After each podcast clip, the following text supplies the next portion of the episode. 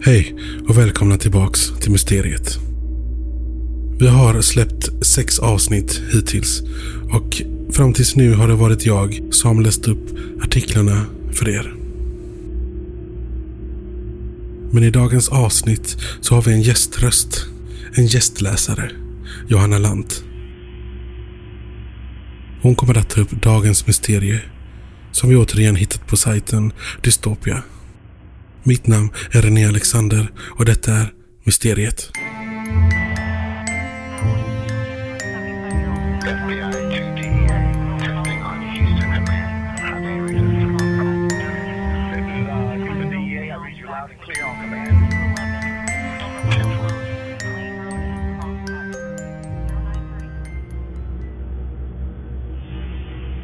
Den subantarktiska ön Bowie Island, tidigare Liverpool Island, eller Lindsay Island, är en ö 1700 kilometer utanför Antarktis nordöstra kust, utanför Drottning Mauds land.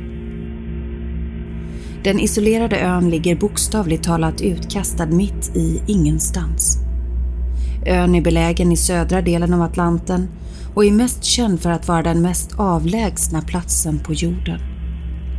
Ön är en obebodd vulkan med en area av 49 kvadratkilometer.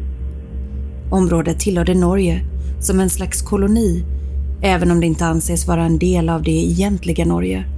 Vilket betyder att ön kan säljas eller avyttras utan att det strider mot norsk grundlag. Platsen betraktas numera som ett naturreservat efter att en liten väderstation var i bruk där under några månader i slutet av 1970-talet. Frånsett sitt synnerligen ödsliga läge verkade vid en första betraktelse inte vara något ovanligt med den lilla ön där, långt ute i havet. Året är 1964. Britten Lieutenant Commander Alan Crawford skickas tillsammans med ett team till ön med helikopter. Tanken är att undersöka en liten bit landremsa som skapats av vulkanisk aktivitet i området. Det är här konstigheterna börjar. I området, som bara var cirka tio år gammalt vid tillfället, hittar man en övergiven livbåt som guppar runt, halvt sjunken i en lagun. Livbåtens åror låg på stranden tillsammans med vad som närmast går att beskriva som en tank av något slag tillverkat i koppar. Det fanns inga spår av några människor, inga döda kroppar eller lämningar efter någon form av lägerplats.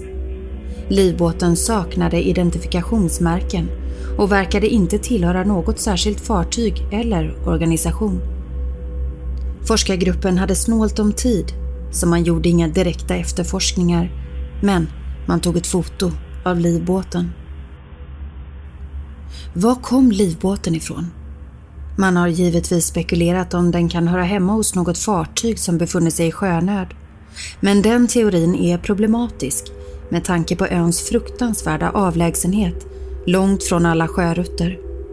Livbåten är dessutom mycket liten och skulle inte klara Sydatlantens aggressiva sjögång särskilt länge. Hur visste livbåtens eventuella besättning att den här lilla ön låg just här? Sikten i området är usel och det är svårt att hitta rätt om man inte vet var man ska börja. Det är givetvis möjligt att livbåten ramlat i sjön från något fartyg och bara råkat flyta till ön med strömmarna. Men det förklarar inte varför årorna och koppartanken befann sig liggande på stranden. Livbåten måste alltså ha haft en besättning. Men var tog dessa människor vägen? Forskarlaget hittade som sagt inga mänskliga lämningar på ön. Ingen lägerplats, inga kroppar, ingenting. Här tar mysteriet en ny vändning. Ett annat forskarlag som återvände till ön några år efter Alan Crawfords grupp hittade inga spår av varken livbåt, åror eller koppartank. Livbåten kan givetvis ha flutit iväg eller sjunkit, men var tog årorna och koppartanken vägen? Kom livbåtens ägare tillbaka för att hämta upp sina saker? Om så, är det rimligt att tro att någon skulle göra sig besväret och ta sig dit bara för att dra ut en halvsjunken livbåt ur den lilla lagunen. Hela historien är väldigt konstig. Det finns ett par möjliga scenarier som är rimliga när det gäller att hitta förklaringar. Båda har dock sina egna problem att tampas med. 1. Livbåten härrör från ett fartyg i sjönöd. Ren tur gjorde att överlevarna i båten drev in mot ön. Man rodde i land, la upp årorna och koppartanken på stranden. Vad hade man i den? Och begav sig därifrån iväg för att leta efter skydd, mat och värme. Öns karga klimat tog snart ut sin rätt och överlevarna dukade under på ön. Som tidigare påpekats hade Alan Crawfords forskarlag ont om tid och man gjorde aldrig någon grundlig genomgång av ön. Så det är fullt möjligt att man kan ha missat en död människa som legat under ett snötäcke eller suttit hopkrupen i en grotta. Några frågor dyker dock upp i det här tänkta scenariot. Hade något fartyg gått i kvav i området vid tiden för Alan Crawfords forskarexpedition? I så fall, varför har ingen kommit med uppgifter om saken?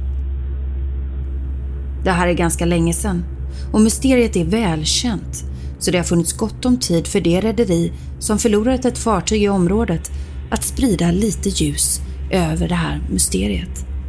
Det har inte skett. Och var försvann livbåten? Flöt den tillbaka ut i havet och försvann? Eller sjönk den i lagunen? 2. En hittills okänd expedition har anlänt till ön med ett större fartyg. Man har landsatt några mindre båtar. Väl framme vid stranden upptäckte man att just den här livbåten blivit skadad på något sätt och därför beslutade man att lämna kvar den på ön efter förrättat värv. Man tränger ihop sig på övriga båtar, åker tillbaka till fartyget och försvinner. Detta alternativ förklarar varför det helt saknades lägerplatser eller mänskliga spår i övrigt i området. Men det förklarar inte varför både livbåten, årorna och koppartanken mystiskt försvunnit några år senare när forskningslag nummer två anländer till platsen. Oavsett vilket så är det här ett mysterium som aldrig fått sin lösning. Det är dessutom högst osannolikt att vi någonsin kommer att få veta vad som hände.